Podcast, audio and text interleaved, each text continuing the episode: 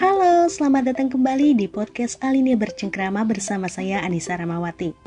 Dalam episode kali ini, Alinea akan membahas topik memperkuat kontra radikalisme. Saat ini Alinea sudah terhubung dengan Syukri Rahmatullah yang akan memoderatori diskusi virtual. Silahkan Mas Syukri. Udah ya, oke, sip. Tentu saya tidak sendirian karena di sini sudah ada beberapa narasumber yang sangat berkompeten untuk mendiskusikan nih. Yang pertama adalah ada Direktur Eksekutif Modra Indonesia Mas Islah Barawi. Yang selanjutnya kemudian ada kita sama-sama kenal beliau adalah Pak Ansyad Mbak yaitu Kepala BNPT 2011 dan sampai 2014. Oke, dan yang terakhir adalah narasumber kita yang tidak kalah pentingnya yaitu adalah Pak Muhtar Khairi. Beliau adalah ex napi terorisme yang saat ini uh, sering membantu uh, dalam deradikalisasi. Baik, mungkin saya akan mulai dulu kepada uh, Mas Islah nih sebagai seorang uh, pengamat terorisme dari direk apa Moderat Indonesia. Mas Islah ini kan sudah agak lama kita tidak mendengar ada aksi teror di Indonesia. Tapi kemudian tiba-tiba uh, selalu muncul ada kejutan-kejutan baru. Walaupun memang kita tahu belakangan kan uh, kepolisian banyak melakukan penangkapan ya di beberapa lokasi. Tapi mungkin uh, saya bisa uh, minta pendapat masih lebih spesifik tentang peristiwa yang terjadi baik di Makassar dan di Mabes Polri. Uh, ini bagaimana peta teroris terakhir Sislah dari pengamatan Anda? Silakan.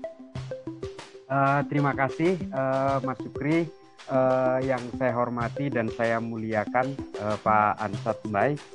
Uh, yang saya hormati dan saya muliakan juga dan saya banggakan juga Ustadz Muhtar Khairi.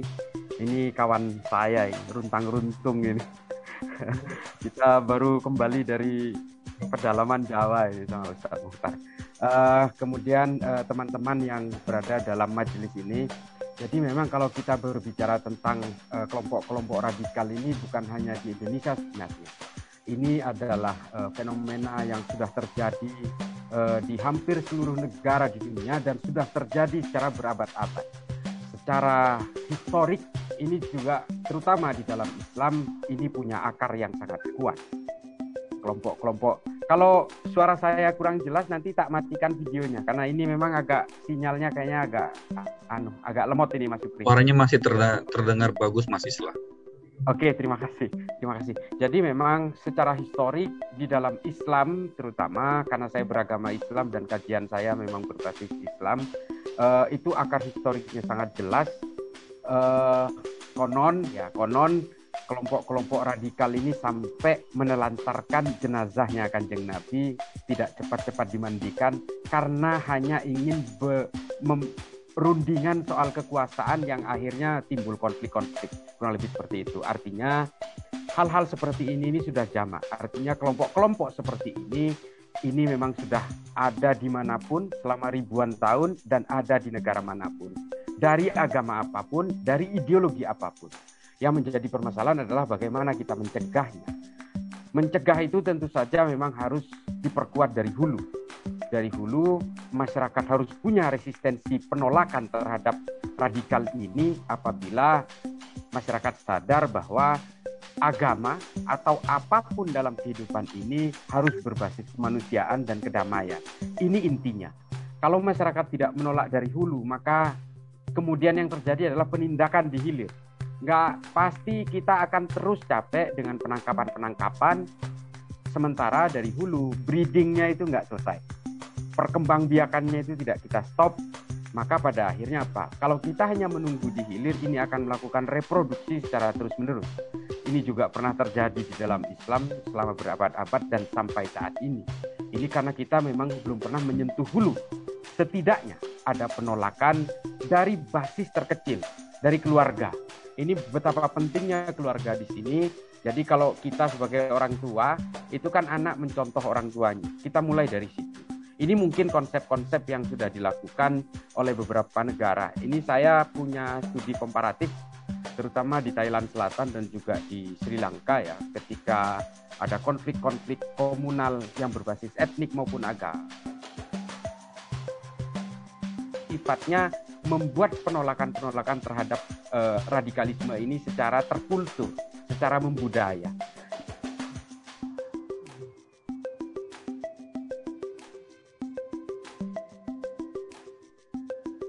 Mas Isla tampaknya terputus uh, sinyalnya ya. Halo Mas Isla.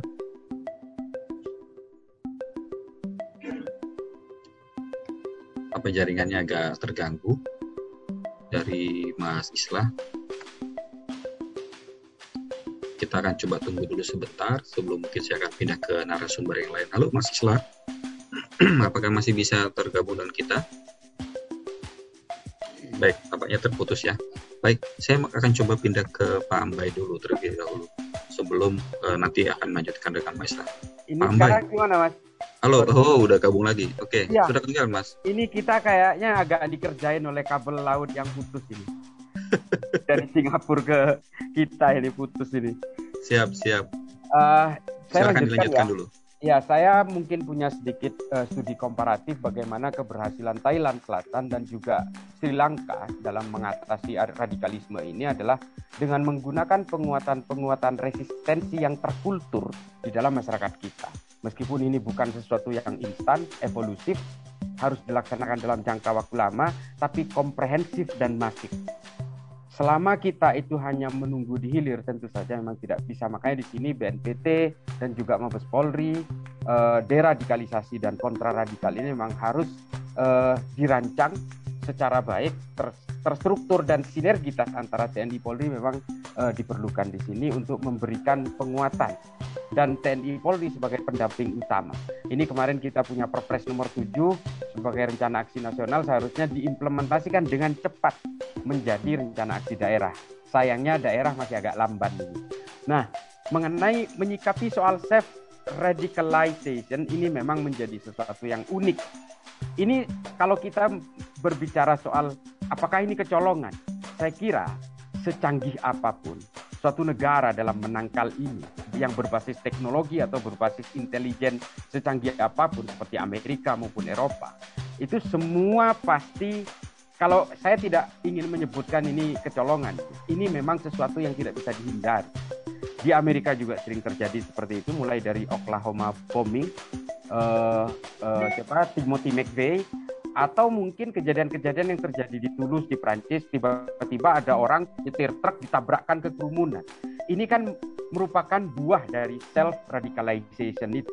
Meradikalkan dirinya sendiri, menemukan secara online, berbaiat secara online dan melakukan aksinya secara mandiri. Ini yang paling sulit.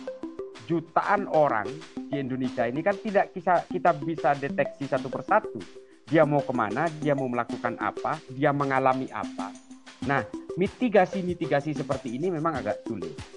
Kita mau mengandalkan intelijen juga tidak mungkin juga.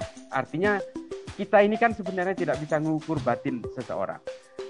Intelijen secanggih apa pun tetap berbasis IT, berbasis social deployment, mempelajari peta-peta dan gestur orang-orang secara komunal. Tapi kalau personal, ini pasti memang akan lemah di situ bagaimana kejadian di Melbourne ketika ada orang pura-pura gila nusuk chef di salah satu restoran Meksiko misalnya. Ini kan di luar kontrol. Seperti yang dilakukan oleh ZA kemarin di Mabes Polri, tiba-tiba datang menggunakan senjata berpeluru plastik yang tentu saja tidak, ya menurut saya ya tidak mungkin melumpuhkan Mabes Polri, tapi ini kan adalah sending a message kepada kita bahwa ini situasi yang terjadi ini adalah sesuatu yang mungkin akan menjadi tren ke depan. Uh, lone wolf seperti ini ini menjadi sesuatu yang harus diantisipasi. Diantisipasinya dari mana? Dari pihak keamanan? Tidak juga. Ini antisipasinya adalah dari parenting, dari keluarga, dari pergaulan, dari environment, dari lingkungan kita juga. Ini semua diperlukan keterlibatan masyarakat. Masyarakat sebagai sektor hulu ini menjadi menjadi sesuatu yang sangat penting di sini untuk berusaha menolak itu. Apakah basis dari semua ini? Tentu saja saya tidak ragu mengatakan tafsir-tafsir agama yang berbasis intoleran. Ini semua menjadi penyebabnya, siapa pun itu maukah itu agama Islam, Kristen atau apa pun, atau ideologi komunis, kapitalis, uh, anarkisme dan sebagainya. Ketika dia berbasis intoleransi, maka dialah yang mencetak radikalis-radikalis maupun ekstremis ini. Ini tidak bisa kita pungkiri. Nah, ini kemudian menjadi sesuatu yang penting. Kontra radikal ini memang harus dimulai dari hulu, dari masyarakat, terutama dari masyarakat terkecil kita, dari keluarga peran orang tua itu menjadi sangat utama untuk melakukan kontrol terhadap anak-anaknya. Mulai dari kecenderungan media sosial yang dia lihat, sampai kecenderungan teman-teman yang dia kontak, sampai teman-teman yang kecenderungan dia nongkrongnya di mana, sampai dia dapat pengajiannya di mana. Ini peran orang tua. Kecuali orang tuanya memang radikal juga, ini lain cerita. Nah, hal seperti ini, seperti ZA kemarin, kalau kita runut dengan pengembangan jaringan, dia berafiliasi dengan jaringan mana itu saja sangat sulit. Banyak sekali tangkapan-tangkapan belakangan ini. Kalau yang berbasis jaringan nggak kita omongin ya, karena itu memang pengembangan berentet dari satu dari satu orang ke satu yang lain. Ini memang ya bisa kayak maling lah, perampok kalau udah kena satu itu lima limanya kena semua biasanya. Sak penadahnya juga kena. Tapi kalau sudah self radicalization, lone wolf, ini yang paling sulit memang karena tidak ada tracknya, tidak ada tracingnya. Baru setelah kita tangkap, setelah ada korban seperti ZA, baru ketahuan, oh temen nongkrongnya kita tangkap empat orang. Ini kan harus semacam jadi akhirnya menjadi sesuatu yang sifatnya penindakan try and error. Nah ini tidak boleh. Ini memang akhirnya menjadi sesuatu yang sangat penting kontra radikal ini. Saya kira begitu. Uh, mohon maaf apabila ada salah kepada senior uh, uh, Al Mukarrom Pak Ansat dan juga Ustadz Mukhtar Khairi. Mohon maaf. Baik. Terima kasih banyak. Baik Mas Islam. Baik, mungkin tadi uh, cukup menarik apa yang sudah dibuka Mas Islah terkait dengan deradikalisasi yang sudah dilakukan, bagaimana dukungan TNI dan Polri juga penting dan utama juga dukungan masyarakat yang lebih luas. Baik, mungkin saya ingin menimba ilmu dari Pansat Bain, sebagaimana beliau sudah memimpin BNPT selama lima tahun ya, Pambay ya. Nah, pengalaman Pambay sendiri misalkan sebenarnya program deradikalisasi yang sudah dilakukan uh, di BNPT zaman Pambai, kemudian Pambai lihat di zaman sekarang ini seperti apa Pak? Apakah ini cukup efektif untuk mengurangi uh, apa namanya potensi radikalisme di Indonesia? Iya, deradikalisasi. Ya pertama begini, awalnya itu muncul deradikalisasi kenapa? Itu ketika terjadi aksi-aksi teror dari bom Bali satu sampai dengan dua segala macam itu. Ketika itu belum BNPT ya masih uh, eh, DKPT namanya. Uh, saya sendiri waktu itu bertanya sebetulnya ini ada apa? Uh, saya kemudian diberikan masukan oleh para ulama terutama waktu itu uh, Kiai Haji Hashim Muzadi ketua PBNU bahwa ini Mbay uh, polisi itu hanya bisa nangkapin orang-orang di lapangan itu, tetapi akarnya ini dari uh, radikalisme. Radikalisme itu yang mengatasnamakan agama. Nah, ini mestinya porsinya kami dan yang lain. Jadi hari ini Bapak bisa tangkap 100 orang, besok sudah 1000 orang dibayar. Nah itu masalahnya. Sehingga waktu itu uh, saya sendiri uh, masukkan dalam program. Kalau gitu perlu ada gerakan deradikalisasi. Nah, deradikalisasi itu uh, ya bukan saja uh, kalau kita bicara deradikalisasi bukan saja dilakukan BNPT atau Densus ya, banyak instansi Ya kalau lihat di APBN itu banyak sekali instansi yang uh, punya anggaran deradikalisasi. Jadi bukan satu instansi itu. Nah, deradikalisasi itu sebetulnya ada dua. Jadi kita tidak bisa apa menyoroti deradikalisasi dalam satu sisi ya. Ada di situ ada sisi yang bertujuan itu uh, bagaimana membuat para mantan teroris baik yang ada di uh, di penjara maupun yang sudah di luar bersama keluarganya sana agar mereka bisa melepaskan paham radikalisme yang mengarahkan mereka untuk melakukan uh, aksi terorisme itu. Nah, itu satu. Nah, kemudian yang kedua, justru ini pekerjaan yang lebih besar sebetulnya yang harus kita soroti saat ini, yaitu deradikalisasi yang ditujukan uh, istilahnya bisa disebut sini counter radikalisasi di sini yaitu bagaimana uh, mencegah agar masyarakat luas itu tidak terpapar ideologi radikalisme ini Nah, ini pekerjaannya uh, besar sekali. Ini ya semua instansi di sini berperan karena kita lihat ini simpul-simpul radikalisasi itu justru banyak kan di kampus ini. Nah, ini mestinya kan bukan polisi yang bekerja, para rektor, dekan, ya purek-pureknya itu. Ya, kemudian kita lihat eh, ASN menurut survei itu udah sekitar 19 persen ya, 19 persen itu terpapar. Uh, di sekolah-sekolah, saya lupa berapa persentasinya yang terpapar radikalisasi termasuk guru-guru. Ya, kemudian bahkan di TNI Polri itu Menhan sendiri Pak Mizar pernah mendeklar itu ada tiga persen. Di Polri uh, saya belum uh, tahu persis berapa, tapi uh, kalau tidak salah udah sekitar tujuh persen itu. Nah, itu situasi di Polri sembilan koma tujuh Oh, 9,7. Nah, itu situasi uh, radikal di uh, di negara kita ini. Nah, uh, sekarang begini, kalau radika, deradikalisasi yang pertama tadi ditujukan pada uh, para teroris dan mantan teroris ini, saya lihat itu justru sekarang uh, cukup konkret dan itu semua terukur bisa kita nilai itu. Uh, sebagai contoh sekarang di Boyolali itu uh, Densus ada proyek kerjasama dengan uh, berbagai instansi dengan perhutani untuk, untuk dapatkan lahan, kemudian diolah menyiapkan uh, para mantan teroris. Di Boyolali itu ada sekitar 40-50 orang mantan teroris bekerja menanam uh, melon. Itu pakai greenhouse dan saya dapat laporan sudah dua kali panen. Nah, kemarin saya dapat laporan dari anak-anak di Lapungan itu ada lagi di tempat lain uh, itu perkebunan uh, apa namanya timun, timun kelas super. Dan itu sudah dipasarkan juga.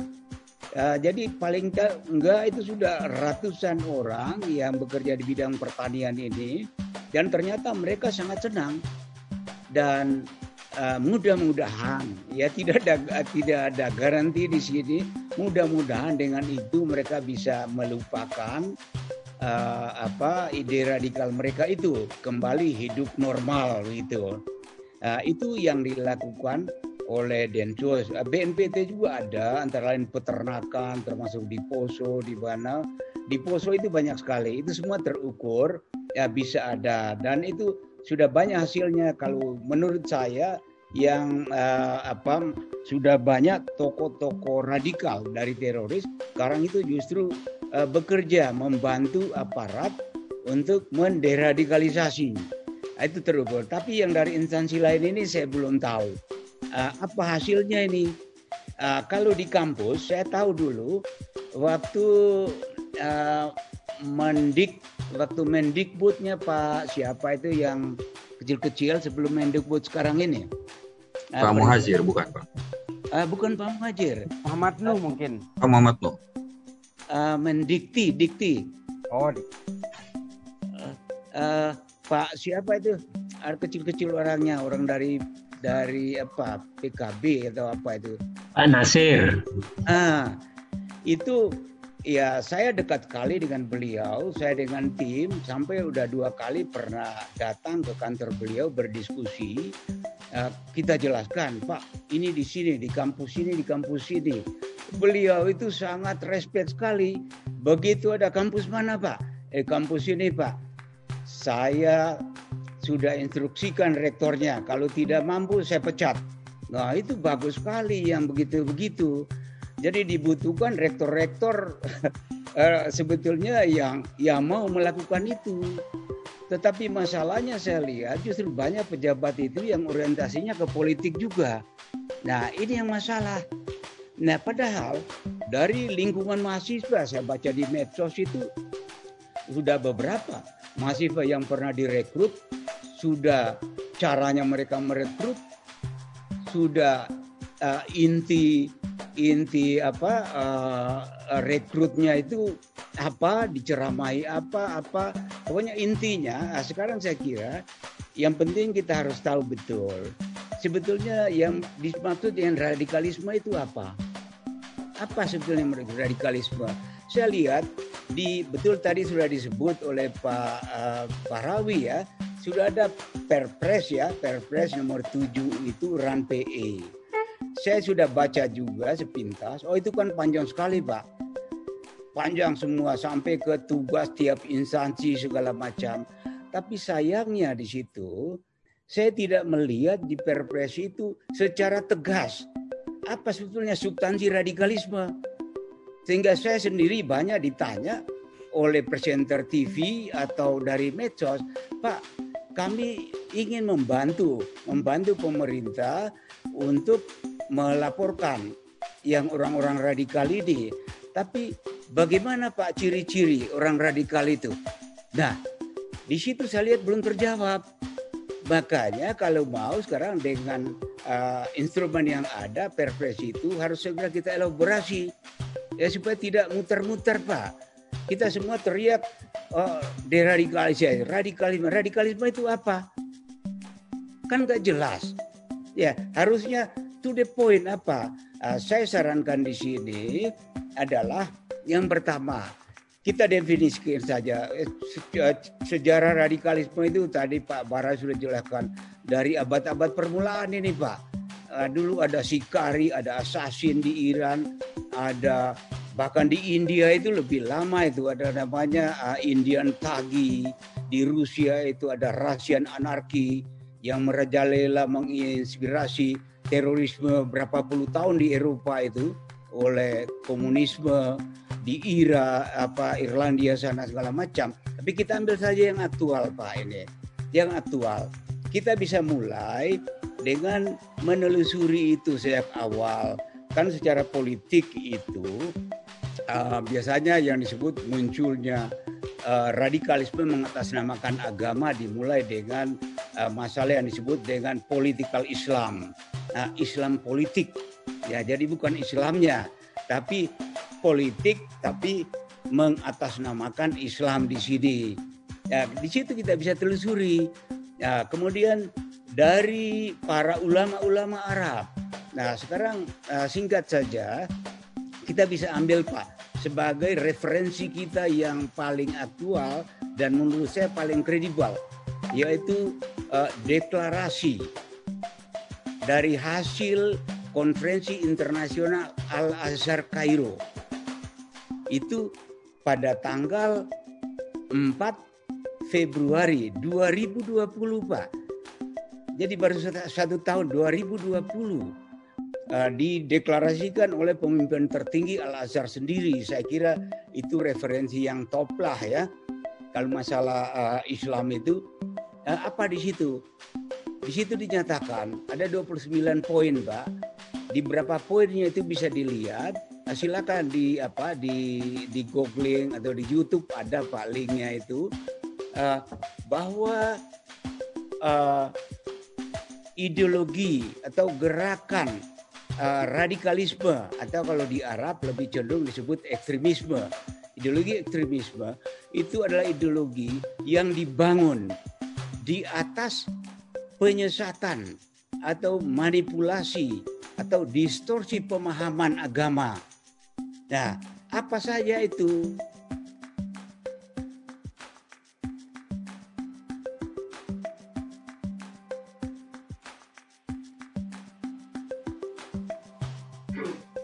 Tampaknya freeze Pak Baik.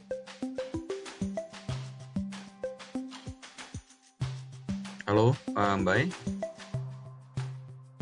Tampaknya freezing ini. Baik, kita tunggu sebentar. Mungkin sebelum uh, apa namanya Pak Ambay bisa bergabung lagi dengan jaringan yang lebih baik. Mungkin saya ingin beralih dulu sebentar ke Mas ke Ustadz Mukhtar Khairi.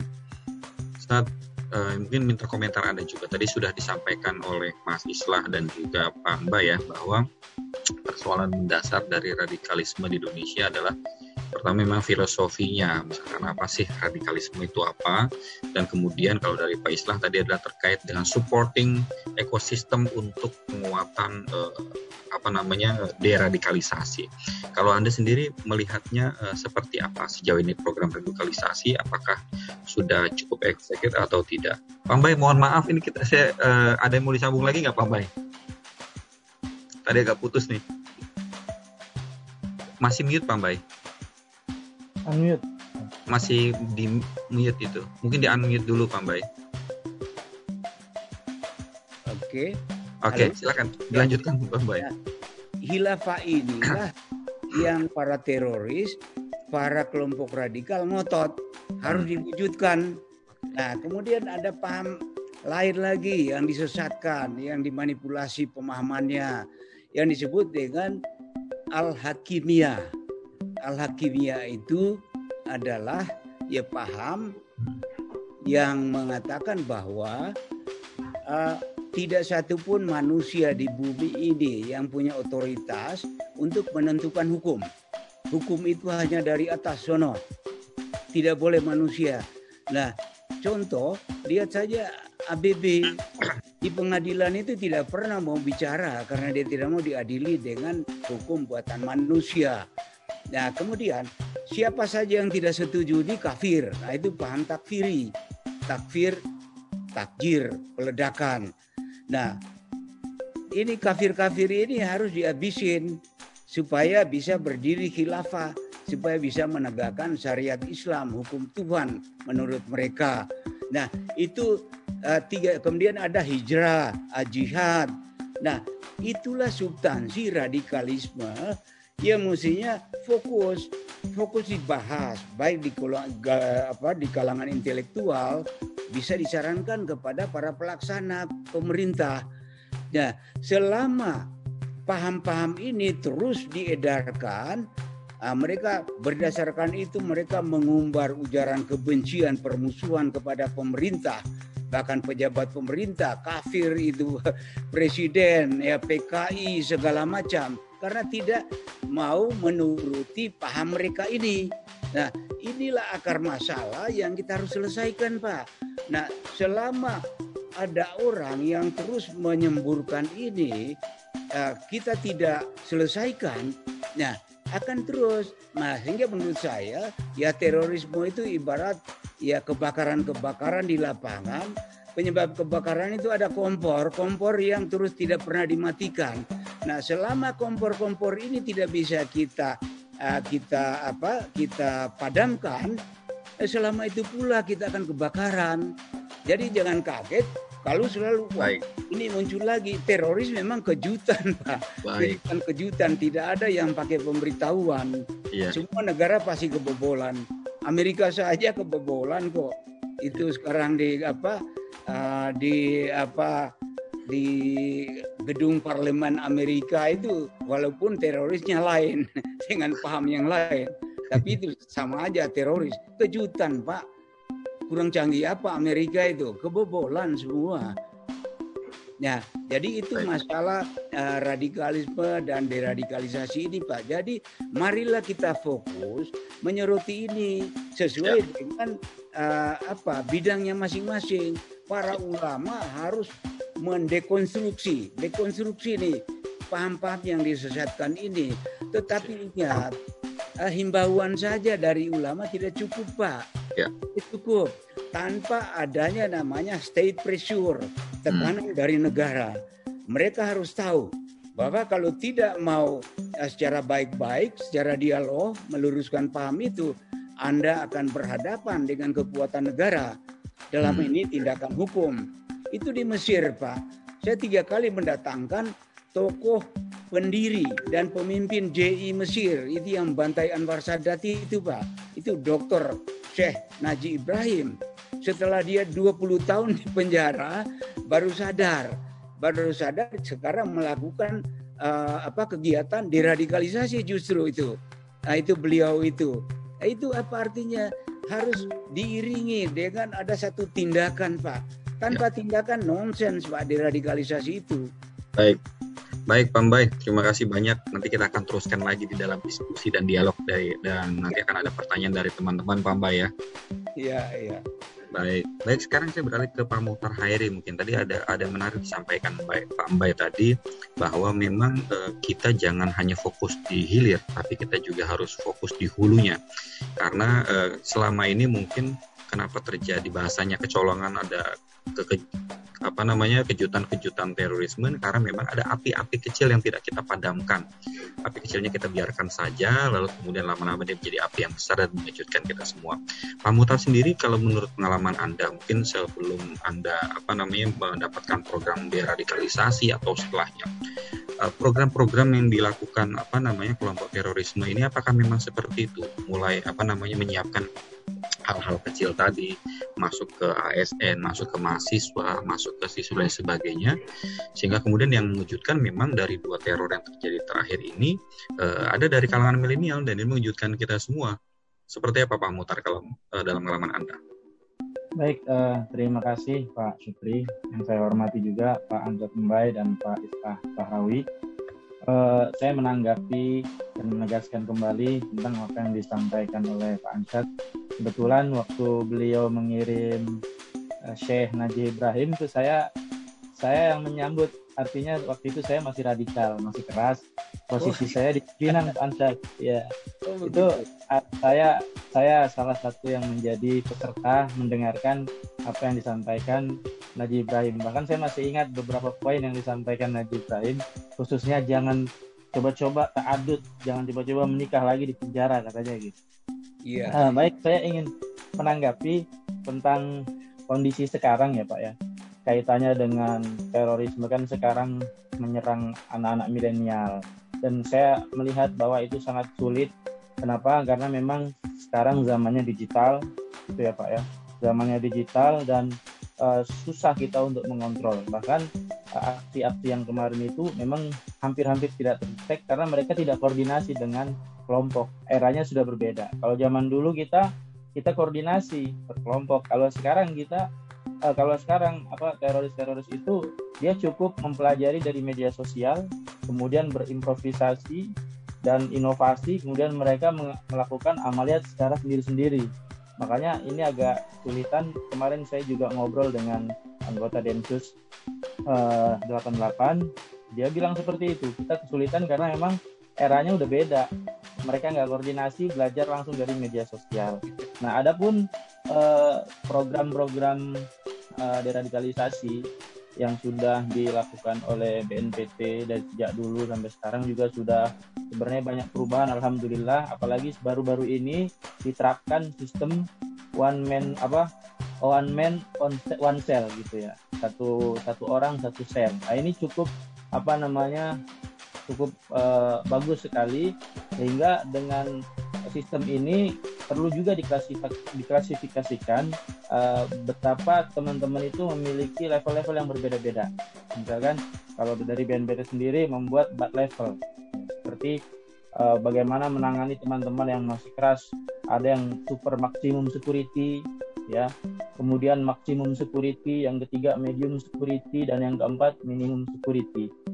Seperti itu. Nah, kalau yang masih ditanda oleh warna merah ya di tanda warna merah itu mereka yang diterbangkan ke Nusa Kambangan gitu ya yang warna hijau mungkin disebar ke lapas-lapas yang lain ya lapas-lapas yang lain sekitar 100 lapas lah ada sekitar 800 teman-teman itu akta narapidana teroris yang mana ini sudah bisa dikondisikan oleh negara. Makanya kalau dulu kan uh, sebelumnya waktu zaman JI Jemaah Islamnya itu kita lihat teman-teman itu di dalam itu bergabung. Mulai dari ideolognya sampai anggotanya dan simpatisannya. Sehingga mereka kuat di dalam mereka bisa merekrut lagi apa namanya kriminal kriminal-kriminal uh, orang-orang yang terkena kasus kriminal bukan kasus terorisme seperti itu. Kemudian juga kalau saya perhatikan alhamdulillah sekarang sudah mulai uh, baik gitu ya melakukan proksi dengan berdayakan mantan-mantan napiter yang sudah senior ya untuk menyambut yang baru datang atau baru bebas untuk diajak berubah dan kembali ke NKRI ya. Tentu dengan syarat juga ya sebagaimana disebutkan oleh Pak Irfan kalau nggak salah itu ada empat syarat itu. Tanggal tinggal tumpas dan tuntas maksudnya kalau kita mau melakukan deradikalisasi kepada teman-teman yang baru pulang tidaknya kita menanggalkan pakaian radikal kita terlebih dahulu ya kemudian juga kita meninggalkan jaringan ke komunitas ya, dan meninggalkan atau membongkar subhat-subhat Bagaimana tadi disampaikan Pak Ansat bahwa uh, ideologi ini sangat berbahaya. Mereka mengatasnamakan agama. Kita tahu sendiri bahwa keamanan itu sangat penting ya Pak ya. Di mana keamanan adalah salah satu tujuan ditegakkannya negara. Nah, tetapi terkadang keamanan itu diganggu oleh kriminal-kriminal yang mengatasnamakan agama. Seperti itu. Bahkan mereka menggunakan, mohon maaf, menggunakan istilah-istilah yang indah seperti jihad di jalan Allah, jihad sabilillah. Seperti itu. Sehingga terjadi banyak apa pengeboman di wilayah apa di sana sini. Bahkan korbannya juga bukan hanya saudara sebangsa, tapi saudara seagama juga menjadi korban. Maka perlu di sini saya rasa saya melihat bahwa radikalisme itu ada dua ya Pak. Yang pertama secara fisik, radikalisme secara fisik. Ya. Kita lihat aksi-aksi kekerasan yang kemarin terjadi itu masuk kategori radikalisme secara fisik yang tentunya penanganannya oleh pihak aparat negara dan bersinergi dengan masyarakat. Paling tidak kalau masyarakat mengetahui ada DPO atau orang-orang yang mencurigakan yang terindikasi paham ekstrim, yaitu perlu dilaporkan ke polisi. Seperti itu. Kemudian yang kedua, eh, radikalisme secara ideologi ini yang tadi dibahas oleh Pak Ansat ini yang paling berbahaya. Karena semua apa namanya semua merujuk kepada para ideolog sendiri mulai dari teman-teman yang terpapar secara uh, ekonomi kekurangan ekonomi atau secara ideologi pula semua ujung-ujungnya kembali ke ideolog. Ini yang menguatkan. Makanya pemikiran-pemikiran sesat ini ya keliru ini perlu ditangani oleh siapa?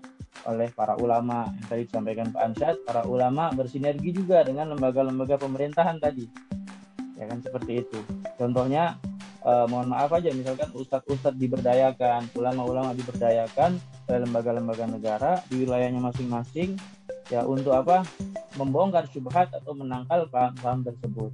Nah, yang jadi masalah kan mereka memberikan penafsiran dari ayat-ayat hukum. Ya, ayat-ayat hukum mereka tafsirkan siapa yang tidak berhukum dengan hukum Allah, kafirnya itu kategori kafir murtad.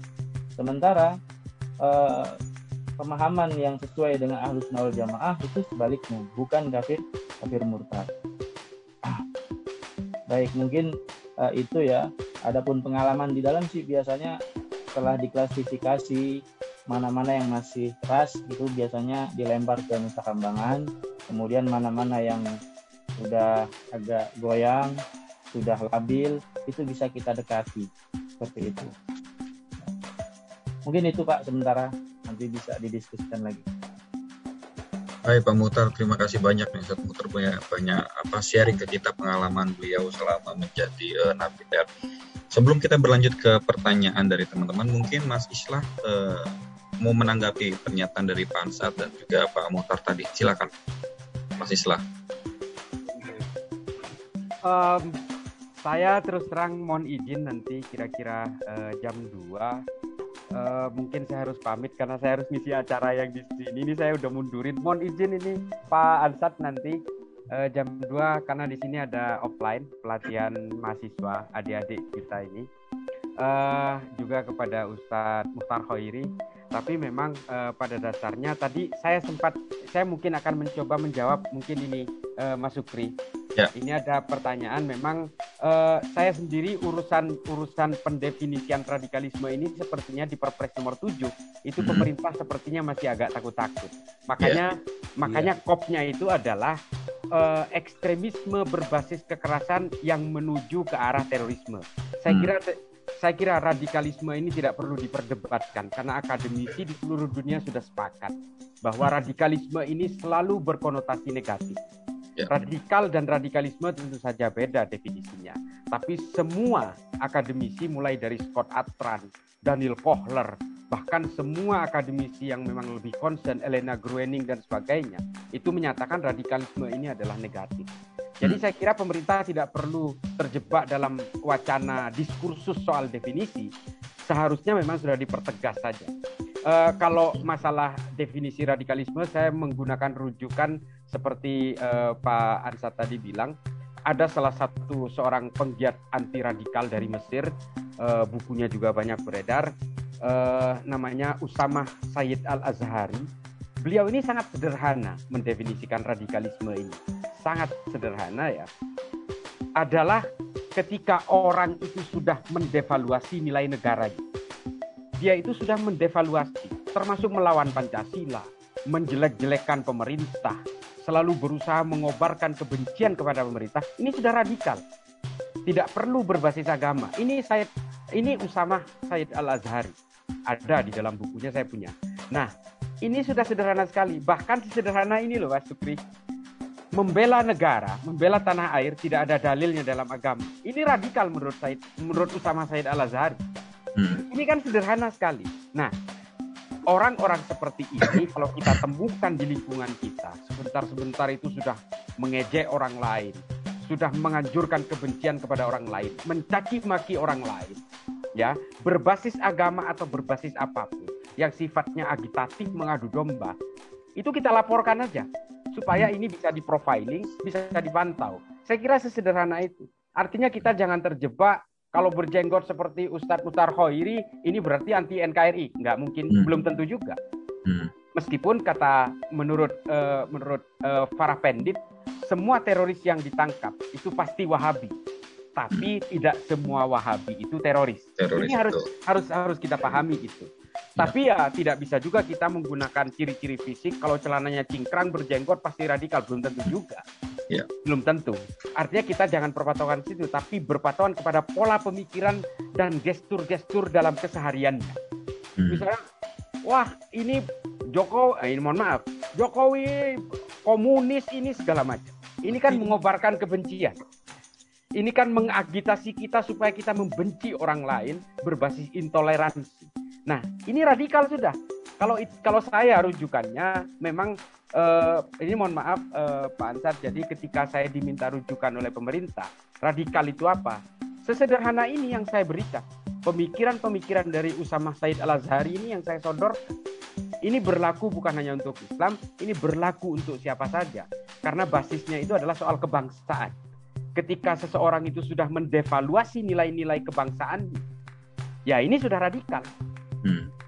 Saya heran juga ada beberapa organisasi, ada partai politik yang masih menolak Pancasila sampai sekarang, tapi didiamkan dalam tataran normatif. Ini anomali sekali.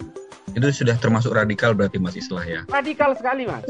Makanya saya paling awal mengatakan sebelum gembar-gembor soal FPI, ketika hmm. saya diminta oleh pemerintah, FPI ini radikal atau tidak, saya tegas menulis secara resmi dan tertulis, ini radikal.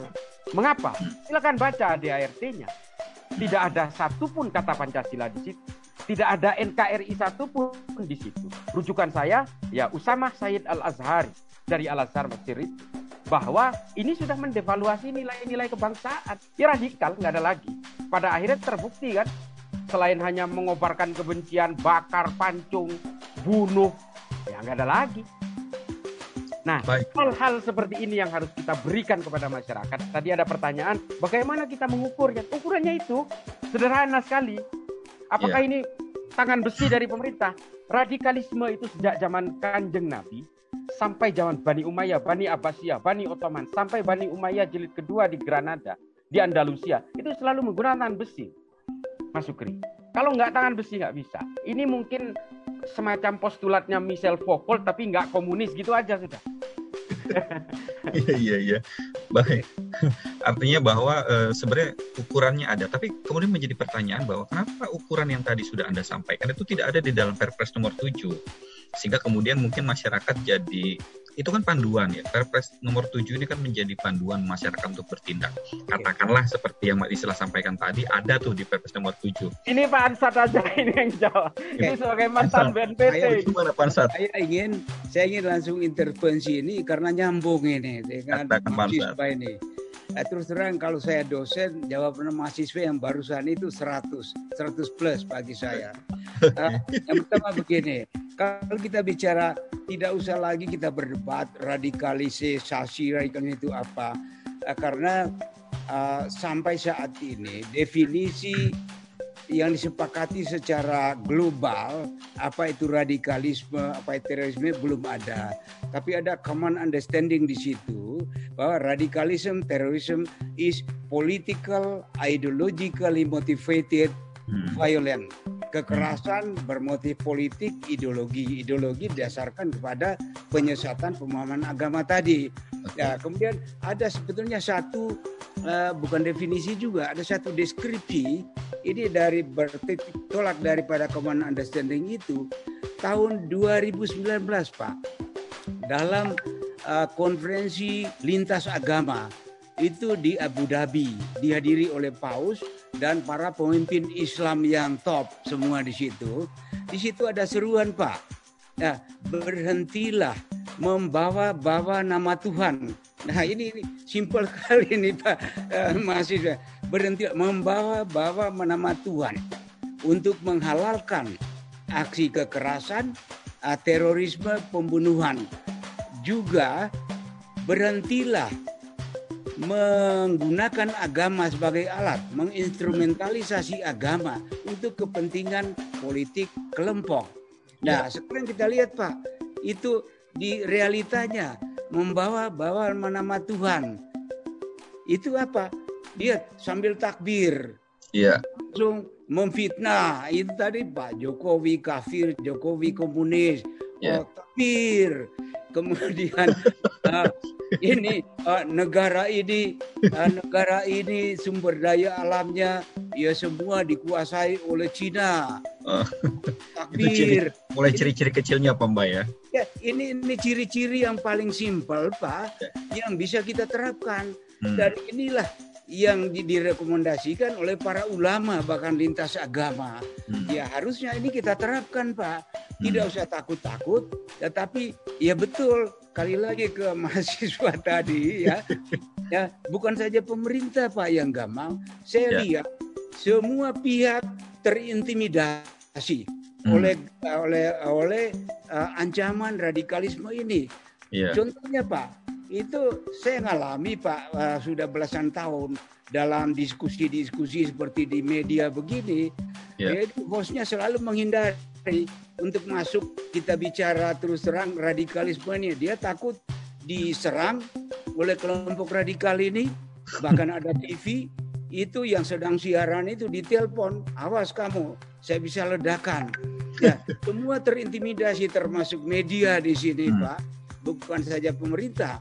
Ya, oleh karena itu saran saya, mari kita semua berani mulai hari ini karena sudah telanjang Pak ini fakta Baik. Ini panjang fakta Pak. Saya ingin mengatakan di sini satu hal yang sangat mengkhawatirkan yaitu bahwa terorisme hari ini di negeri kita itu sudah berkelindan dengan gerakan politik melalui ya. ormas atau mungkin parpol yang sehari-hari ini mengusung-usung ini uh, paham radikalisme ini. Ya lihat aja teriak-teriak di jalan pakai tua, ya bahkan di televisi masih sering diberi corong, diberi ya. panggung ya. ini. Ya. Di kampus masih sering ceramah-ceramah ini, Pak. Iya, masih dikasih kesempatan ceramah di kampus-kampus, tampil di TV gitu, Pak ya. Mbak ya. Jadi kita harus bersatu sekarang. Kita hentikan ini. Siap. Jangan berikan kesempatan mereka muncul karena inilah yang kemudian menyebar sehingga orang uh, makin tebal kebenciannya kepada Baik. pemerintah sampai mau bunuh diri. Baik. Baik, Pak Mbak sebelum dilanjutkan mungkin saya mau kasih waktu ke Mas Islah mungkin sebelum uh, beliau live dengan iya, dari ya, masih ada ilmunya ini. itu ilmu, masih banyak ilmunya yang harus dikeluarkan. Iya, sebelum live dari acara kita mungkin ya. uh, Mas Mas Islah silakan uh, ada yang mau disampaikan. Iya, siap. Uh, terima kasih. Mohon maaf tanpa mengurangi rasa hormat saya kepada Pak Ansad dan juga kepada Ustaz Utara Khairi dan juga kepada semua teman-teman yang ada di majelis ini ya. Uh, ini mahasiswanya udah pada datang saya enak juga. Iya, iya. Jadi pada intinya begini, uh, kalau saya tetap kepada satu frasa yang mungkin selalu saya dengung-dengungkan bahwa semua aksi-aksi radikalisme, ekstremisme ataupun terorisme ini adalah semua buah dari politisasi agama. Saya tetap berpatokan kepada itu. Saya nggak pernah jauh dari situ. Dan mengapa politik begitu getol menggunakan agama sebagai tunggangan? Karena apa? Supaya kejahatan-kejahatannya terlihat terhormat ini aja tujuannya. Saya kira begitu. Mohon izin uh, Pak Ansat, Ustaz yeah, yeah. kepada Mas Sukri dan juga teman-teman semua. Mohon maaf ini ini sebenarnya kurang ajar ini. ini. Tinggalin duluan. Makasih banyak Mas Islam. Ya, Mungkin kita kasih. bisa uh, join kembali di acara mendatang Mas Islam ya. Ya, ya mudah-mudahan ini menjadi maslahat untuk, untuk para mahasiswa. Iya, siap, siap, Banzan. Terima kasih. Assalamualaikum Baik. warahmatullahi taala wabarakatuh. Waalaikumsalam warahmatullahi wabarakatuh. Baik, saya ingin beralih ke Pak Ustadz Muhtar ini, Mas Khairi. Tadi kita bicara soal uh, apa namanya deradikalisasi di hulu. Tentu kita harus merumuskan definisi radikalisme di hulu itu tadi. Yang secara sederhana Mas Islah Barawi tadi menyimpulkan bahwa eh, orang-orang pihak-pihak yang secara pemikiran mendevaluasi negaranya itu tentu harus dicurigai tanda kutip menjawab dari pertanyaan uh, apa sih uh, ciri-cirinya radikal dan sebagainya yang kita tidak sepakat tentu kalau ditujukan secara fisik. Uh, Ustaz Muhtar silakan kalau ada tanggapan. Baik, uh, terima kasih Pak. Kalau saya menanggapi begini, uh, perlu juga kita mengetahui indikasi-indikasi orang itu terpapar. Bagaimana nih ada pertanyaan juga. Uh, bagaimana kita mengetahui kalau orang-orang orang itu sudah benar-benar terpapar? Biasanya muncul fenomena, mohon maaf aja anak-anak muda saat ini yang mendadak menjadi baik, mendadak menjadi soleh. Kemudian dia mengurung diri, bersifat eksklusif, gitu kan? Akhirnya eh, mereka seakan-akan setelah menerima satu ilmu, dia menganggap hal tersebut sudah final. Itu yang paling benar sehingga perlu disosialisasikan seperti itu. Nah ini yang mengkhawatirkan kita. Se kalau kita perhatikan dari perkataan Imam Ibnu Hajar itu kan jelas al hadithu mudillatun illa lil fuqaha. Hadis itu terkadang menyesatkan kecuali bagi orang yang paham agama, orang yang fakih, orang yang ahli fikih. Nah, fenomena saat ini banyak anak-anak muda yang kaget agama, tentu ini harus diarahkan dengan arah yang baik, yang pas, arah yang benar. Kalau tidak seperti itu, siapa yang berani jamin? Ya kita semua belum aman daripada ancaman terorisme itu sendiri. Ya seperti kalau ditanyakan tadi, kenapa uh, sekarang kok pengeboman-pengeboman semakin gencar seakan-akan program deradikalisasi itu gagal. Kalau saya perhatikan, karena perubahan atau pergeseran zaman, era zaman yang berubah yang berbeda, saya lihat uh, sekarang itu sudah digital, sudah sangat sulit mendeteksi ya. Karena tidak ada koordinasi tadi saya katakan demikian. Sehingga mereka berimprovisasi berinovasi buat bom sendiri juga kadang belajar dari dari internet ya. Nggak ada lagi koordinasi dengan yang lain sehingga itu agak sulit. Nah makanya uh, langkah yang perlu kita lakukan saya rasa semua berujung pada kesalahpahaman dalam menafsirkan ayat-ayat dalam Al-Qur'anul Karim.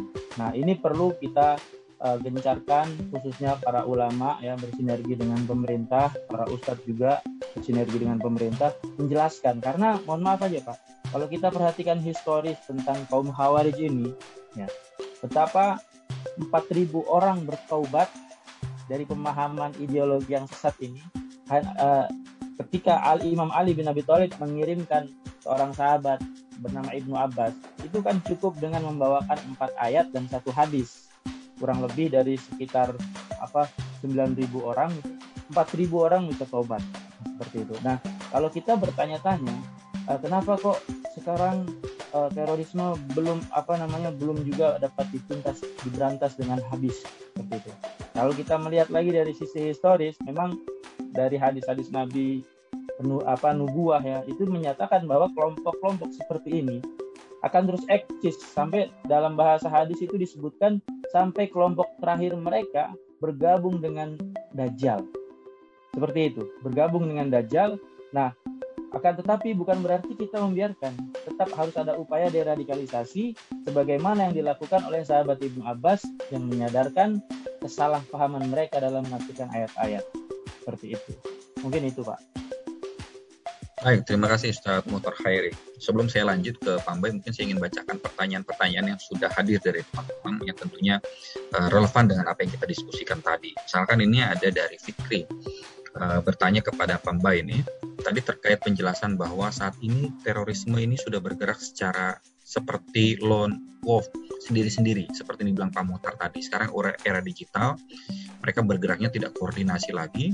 Tiba-tiba boom ada di Makassar tiba-tiba ada door di Mabes Polri tanpa koordinasi tiba-tiba terjadi peristiwa itu. Nah menurut Fikri uh, Fikri bertanya apakah undang-undang terorisme yang saat ini ada sudah cukup memberikan kewenangan untuk menangkal aksi terorisme yang seperti itu, yang tipe tipologinya di era digital tadi. Dan apakah undang undang-undang tersebut perlu direvisi lagi atau sudah cukup, Pak Mbak? Iya, uh, ini pertanyaan yang bagus sekali. Apakah ini sudah cukup?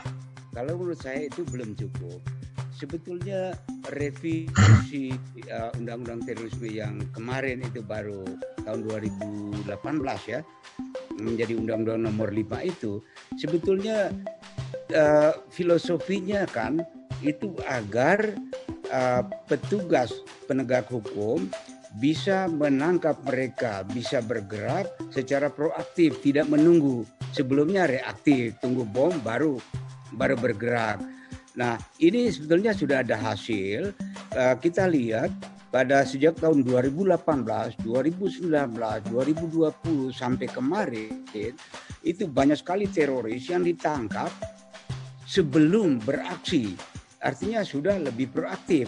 Tetapi sayangnya ini belum sampai sampai ke akarnya. Jadi harus bisa undang-undang harus bisa menjangkau orang-orang yang istilah saya itu kompor-kompor tadi. Nah, kompor-kompor ini siapa? Kita sudah lihat di Makassar. Ternyata para pelaku teroris ini sudah berbayat dan bayat itu itu disponsori oleh para petinggi ormas. Ormas yang berkuar-kuar di Jakarta ini. Ya, itu Munarman itu tahun 2015. Itu ratusan FPI di sana berbayat ke ISIS. Nah, itu waktu itu panitia penyelenggaranya itu namanya Ustadz Bustar. Ustadz Bustar ini hari ini dia ideolog daripada para pengantin yang disiapkan itu termasuk bom di Jolo tahun 2019 Katedral Makassar. Nah, dia yang menyiapkan sekarang ini. Nah, kemudian lihat di Condet. Di Condet itu di bisa disita oleh Densus 4 kilogram uh, bahan peledak high eksplosif itu TATP. Kemudian di Bekasi ada 700 gram, hampir satu kilo. Kemudian uh, menurut Pak Lara ahli bom, dengan casing yang sudah mereka siapkan, dengan uh, jumlah uh, bahan peledak yang sudah siap itu, itu bisa dikemas menjadi sekitar 200 bom. Dan itu sudah jelas uh, di rumah itu tempat disita ada itu Eh, bukti-bukti uh, eh, FPI uh, seragamnya, atributnya, itu apa kartu anggotanya, uh, kemudian uh, pengakuan mereka sendiri siapa itu Ustaz Husain. Itu itu bom itu akan didistribusikan ke DPC DPC FPI sebagai takjil istilahnya. Bayangkan kalau takjil di Jakarta ini dengan 200 bom Eh, kita bisa bayangkan. Nah, ini masalahnya. Nah, ini organisasi selama ini belum terjangkau oleh undang-undang terorisme itu. Jadi harus ada bagaimana supaya undang-undang teroris menjangkau para pe penyulut kompor-kompor ini. Nah, ini yang harus segera kita lakukan. Baik, Pansat. Artinya bahan baku untuk menciptakan terorisme itu sebenarnya sudah jelas tampak di depan mata, Pansat ya. Cuma undang, ya undang-undang dan kemudian perpresnya perlu diperkuat kembali agar kemudian deradikalisasi menyelesaikan masalah hulunya agar lebih efektif kembali begitu Pak Mbak ya. Iya, iya. Baik, saya mungkin beralih ke Pak Muhtar uh, Hairi ini. Mungkin ada pertanyaan juga untuk Pak Muhtar bagi, uh, dari Rosan. Ini menurut Pak Hairi, apakah deradikalisasi napiter yang berlangsung selama ini yang mungkin juga dialami dan dijalankan Ustadz Muhtar ini, apakah sudah cukup efektif untuk uh, menyadarkan para napiter ini untuk kembali ke ke apa jalan yang benar. Uh, tapi kemudian menurutnya kasus pengeboman Makassar ini sepertinya memperlihatkan bahwa program deradikalisasi di penjara ini mengalami kegagalan. Gimana menurut Anda? Ya, saya rasa begini Pak, apa namanya? saya rasa itu untuk pengalaman di dalam teman-teman itu eh, program-program deradikalisasi memang sudah menyentuh teman-teman di dalam gitu kan. Bahkan kalau kita perhatikan tingkat keberhasilan khusus untuk teman-teman yang sudah pernah di penjara itu sudah cukup luar biasa. Paling tidak teman-teman itu tidak lagi melakukan aksi. Kenapa? Karena jujur aja, ketika kita di dalam penjara, kita tokoh-tokoh ada tokoh-tokoh dari usat-usat itu sendiri, mereka yang melawan kontra narasi ISIS, pemahaman-pemahaman saat itu sendiri. Jadi secara tidak langsung teman-teman membantu juga uh, membantu pemerintah melalui narasi-narasi ya uh, kontra narasi itu sendiri seperti itu. Tapi kaitannya dengan pengeboman yang dilakukan di Makassar atau penyerangan di Mabes Polri, saya rasa itu uh, hal yang berbeda ya. Karena apa? Kalau kita perhatikan itu kan perempuan itu juga saya saya rasa dia uh, terafiliasi dengan ISIS seperti itu terafiliasi dengan ISIS uh, di mana kalau kita perhatikan untuk FPI uh, secara umum kalau kita perhatikan FPI itu uh, bukan masuk dalam jaringan yang apa namanya yang eksklusif. Mereka menggunakan jaringan-jaringan yang dipublikasi gitu kan. Sementara teman-teman yang aksi ini ya teman-teman yang aksi yang kemarin kejadian di Makassar itu sepertinya udah punya kelompok sendiri ya kelompok yang eksklusif itu sendiri sehingga mereka memainkan perannya secara sendiri-sendiri. Bahkan ketika kita lihat uh, deradikalisasi yang sekarang dilakukan oleh pemerintah bukan tidak berhasil saya rasa berhasil. Coba kita perhatikan. Dari sekian banyak mantan napiter 800 kurang lebih yaitu hampir semuanya sudah baik. Dan kalaupun yang masih keras mereka tidak berani menunjuk, menunjukkan dirinya ya. Bahkan mereka seakan-akan sudah tenggelam. Tetapi kemungkinan juga mereka main di bawah tanah sehingga mereka mempengaruhi anak-anak milenial ini mempengaruhi anak-anak yang baru ini dan kita tidak agak kesulitan untuk mengontrol mereka. Kenapa? 24 jam kita tidak bisa kontrol mereka karena memang uh, eranya yang sudah berubah ini. Seperti itu. Jadi kalau dibilang seakan-akan gagal uh, walau alam bisa karena tahu saya teman-teman itu semua udah berubah. Adapun yang tidak berubah sangat sedikit sekali. Mungkin itu ya pak Baik, Ustaz Mutar. Artinya bahwa program deradikalisasi sebenarnya ada ada ini baik ya dan menunjukkan lebih positif dan yang banyak terjadi perubahan. Tapi yang menarik kemudian adalah ini Pak kembali ke Pak Ansat ada pertanyaan ke, dari Herman Saputra ini. Ini terkait dengan apa namanya pelaku teror dari perempuan seperti di, di Mabes Polri dan juga di Makassar ya kan salah satunya adalah perempuan dan utamanya perempuan dan milenial ini Pak. Kalau tadi Pak Mutar Hairi memang sulit saat ini menjangkau karena sekarang komunikasinya udah melalui digital jadi agak sulit memantau 24 jam. Apakah memang ini uh, strategi dari kelompok teroris yang sudah mulai apa namanya ada perubahan dari strategi mereka sehingga kemudian sekarang lebih menyasar ke perempuan kemudian menyasar ke milenial. Sehingga kemudian kalau laki-laki kan misalkan mencurigakan ini langsung disergap katakan. Kalau perempuan mungkin aparatnya masih ragu-ragu apakah itu pola yang baru dilakukan oleh kelompok teroris bangsa iya. Uh, yang pertama begini kenapa milenial dan perempuan ya? Uh, pertama begini uh, dengan adanya penangkapan-penangkapan uh, yang begitu gencar uh, menyulitkan mereka untuk menyalurkan uh, apa provokasinya itu lewat uh, struktur organisasi sehingga uh, mereka lebih banyak lewat kepada alat-alat komunikasi milenial itu. Nah, alat komunikasi seperti di medsos ini ya konsumennya kan mayoritas yang milenial. Uh, satu. Uh, kemudian uh, yang kedua kenapa? Perempuan. Saya melihat aspek praktisnya saja ya realita. Uh, perempuan itu apalagi dengan menggunakan dengan gaya gaya busana itu katanya hijab nah sulit mengidentifikasi itu dalam hijab itu ada bom atau tidak itu jadi paling mudah untuk menyelipkan mereka untuk masuk, untuk menyerang. Paling mudah ya memang perempuan. Nah seperti di Mabes itu.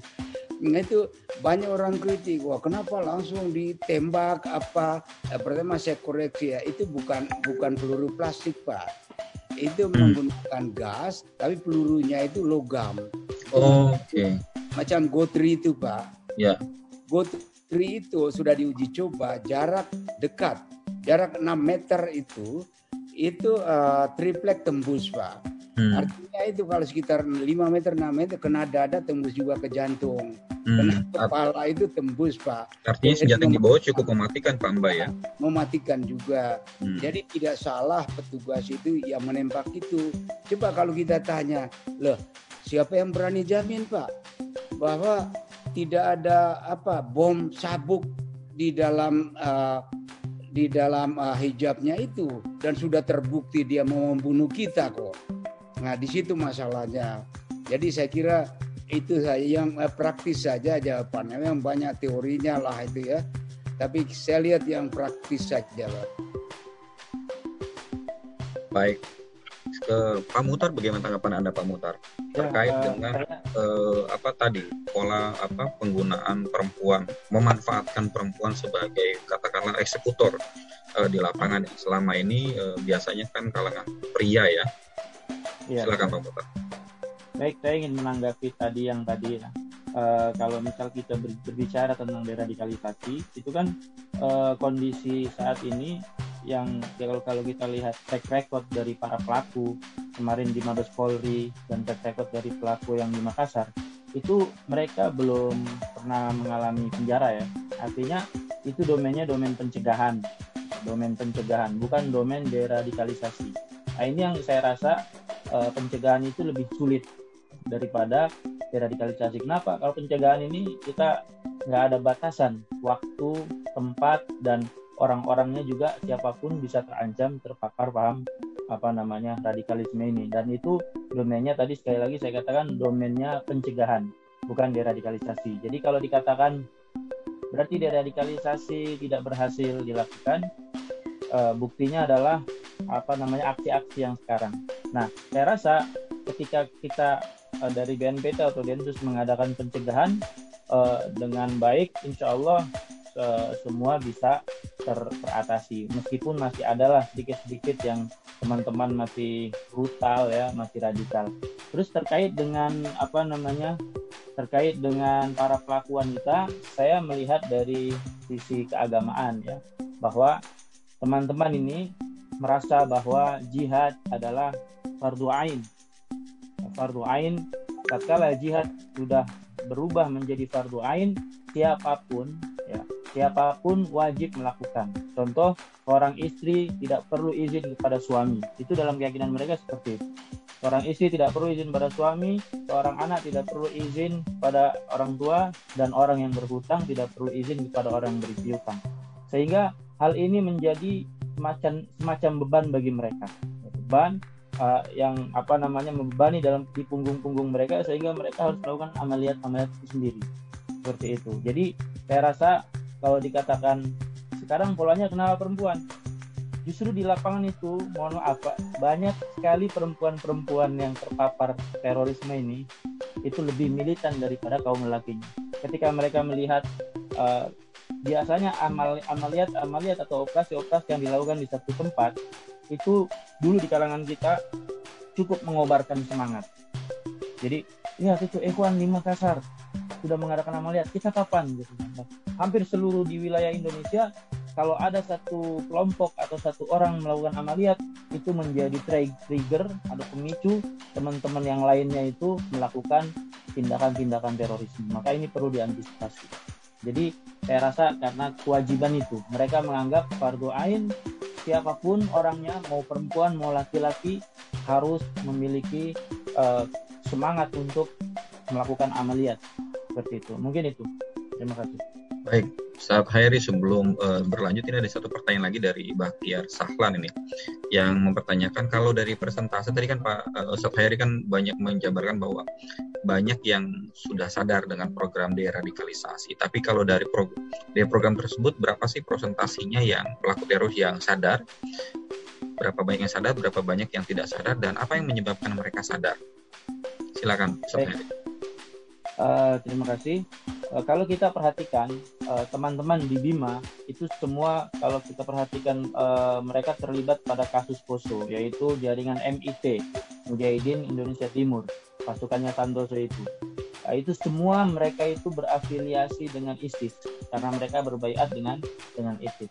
Dan alhamdulillah ketika kita karena mereka biasanya rata-rata teman-teman itu terpapar paham terorisme, paham radikal itu karena literasi ya Pak ya. Karena literasi dan kebanyakan mereka kembalinya juga melalui literasi. Nah, upaya-upaya teman-teman di dalam Cipinang, di dalam penjara Cipinang itu yang sudah kembali ke masyarakat ke NKRI, mereka mengadakan satu kajian di mana kajian tersebut ya fungsinya untuk apa namanya kontra narasi yang di apa kontra narasi terhadap ISIS seperti itu. Nah, 90% atau 95% saya mendapat kabar dari ikhwan-ikhwan teman-teman semua alhamdulillah sudah berubah gitu ya. Karena apa? Karena melalui literasi itu tadi. Jadi ketika terpapar melalui literasi, tidaknya biasanya rata-rata kembali melalui literasi pula. Dan ini terjadi di Bima. Bima hmm. yang notabene itu sangat keras-keras ya Pak ya. Seperti hmm. itu. Afiliasinya ke ISIS. Nah, hmm. kurang lebih 90% teman-teman sadar bertobat setelah uh, membaca literasi-literasi yang diterjemahkan oleh para ustadz yang kembali ke masyarakat seperti itu. Ya, arti literasi berperan sangat penting untuk menyadarkan uh, kelompok-kelompok uh, atau calon-calon pelaku teroris, Pak Sat Hairi ya, meluruskan ya, literasi yang mereka dapatkan, kira-kira seperti itu ya. Betul. Baik, teman-teman, kita tampaknya sudah di penghujung acara. Eh, sudah mau setengah tiga ini, sudah satu, hampir satu setengah jam kita berdiskusi. Mungkin di akhir uh, segmen ini kita akan mendengarkan uh, apa namanya closing statement dari masing-masing narasumber terkait bagaimana ke depan Indonesia uh, program deradikalisasi di Indonesia agar mungkin kalau kita tidak bisa dalam tanda kutip menghilangkan bibit-bibit terorisme, tapi minimal mereka sudah tidak memiliki ruang gerak sama sekali. Gitu. Silakan dimulai dari Pak Ambai. Iya, baik. Ya, terima kasih. Nah, itu saya garis bawahi yang dari Pak Syukri itu uh, paling tidak mereka tidak punya ruang gerak. Uh, ini adalah dilakukan secara dua dua arah. Yang pertama secara fisikal, yaitu bagaimana agar operasi-operasi uh, untuk mencegah terjadinya aksi itu bisa terus efektif dan lebih uh, lebih masif dilakukan. Uh, tapi yang penting di sini kita harus dukung, Pak. Ya, anak-anak Densus itu ya kan manusia juga, Pak. Mereka juga beragama. Ya, kalau sudah menyangkut menghadapi orang-orang ini yang motifnya selalu dengan uh, narasi-narasi keagamaan, ya mereka juga jadi mikir-mikir, Pak. Nah, yang narasi keagamaan ini, ia harus berjalan seimbang ini dengan tindakan-tindakan fisik. Nah, kemudian mereka juga melihat, mereka melihat dukungan masyarakat. Kalau sekarang lumayan Pak sudah bagus, apalagi dengan banyaknya uh, para Ivan itu yang sadar seperti Pak Mutar Hairi ini bagus sekali ya. Uh, itu mereka, mereka merasa terdukung lebih pede Pak. Uh, saya mengalami Pak belasan tahun. Setiap kali terjadi insiden penangkapan, apalagi kalau ada yang tertembak teroris, itu lebih banyak yang menyerang tindakan aparat daripada tindakan terorisnya sendiri. Nah ini harus kita rubah Pak. Kan kita sudah tahu, sudah telanjang faktanya semua ini. Nah orang-orang yang selama ini menyerang polisi ketika berhadapan dengan uh, dengan teroris, nah ini sudah kelihatan dan orang ini mestinya kita lawan bersama Pak. Uh, kita tidak boleh takut, kita tidak boleh terintimidasi. Ya mereka mengatakan agama, agama kita semua. Ya tadi Pak seperti Pak Pak Sukri tadi Pak Mutar uh, Pak Mutar tadi satunya mahasiswa kita semua Muslim Pak kita semuanya ada stakeholder di situ. Kita juga tidak ingin agama kita itu kok dilabeli seperti ini karena perbuatannya memang ada. Jadi kita harus jadikan ini musuh bersama. Mari kita bersatu untuk melawan ini. Nah, yang kemudian yang kedua kepada pemerintah supaya tidak ragu-ragu itu menetapkan kebijakan politik untuk menentukan undang-undang supaya undang-undang itu uh, kuat, Pak. Jadi keras. Nah, coba kita lihat Pak, uh, tetangga kita. Nah, sering ada pertanyaan itu, kenapa kok bom itu lebih banyak di Indonesia? Di tetangga kita relatif tidak ada. Jawabannya karena teroris banyak di Indonesia, gurunya ada di Indonesia di sini. Nah, kemudian yang kedua adalah di sana pemerintah sangat keras Pak, secara politik maupun secara undang-undang. Lihat saja hari ini kalau Anda ke Malaysia, Singapura, Anda pakai baju itu yang ada apa lambang-lambang ISIS langsung ditangkap itu Pak.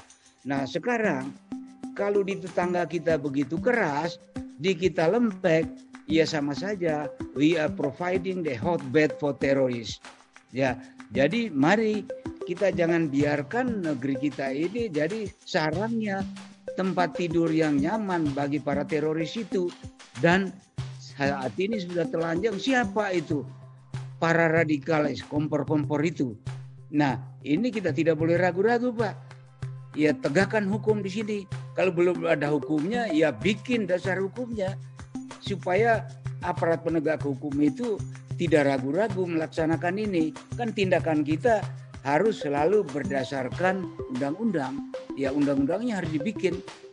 Saya kira itu Pak. Terima kasih. Baik, terima kasih luar biasa sekali Pak Mbak. Mungkin terakhir dari Ustadz Muhtar Hairi, kira-kira ada closing statement dari Anda silakan. Baik, saya ingin memberikan closing closing statement.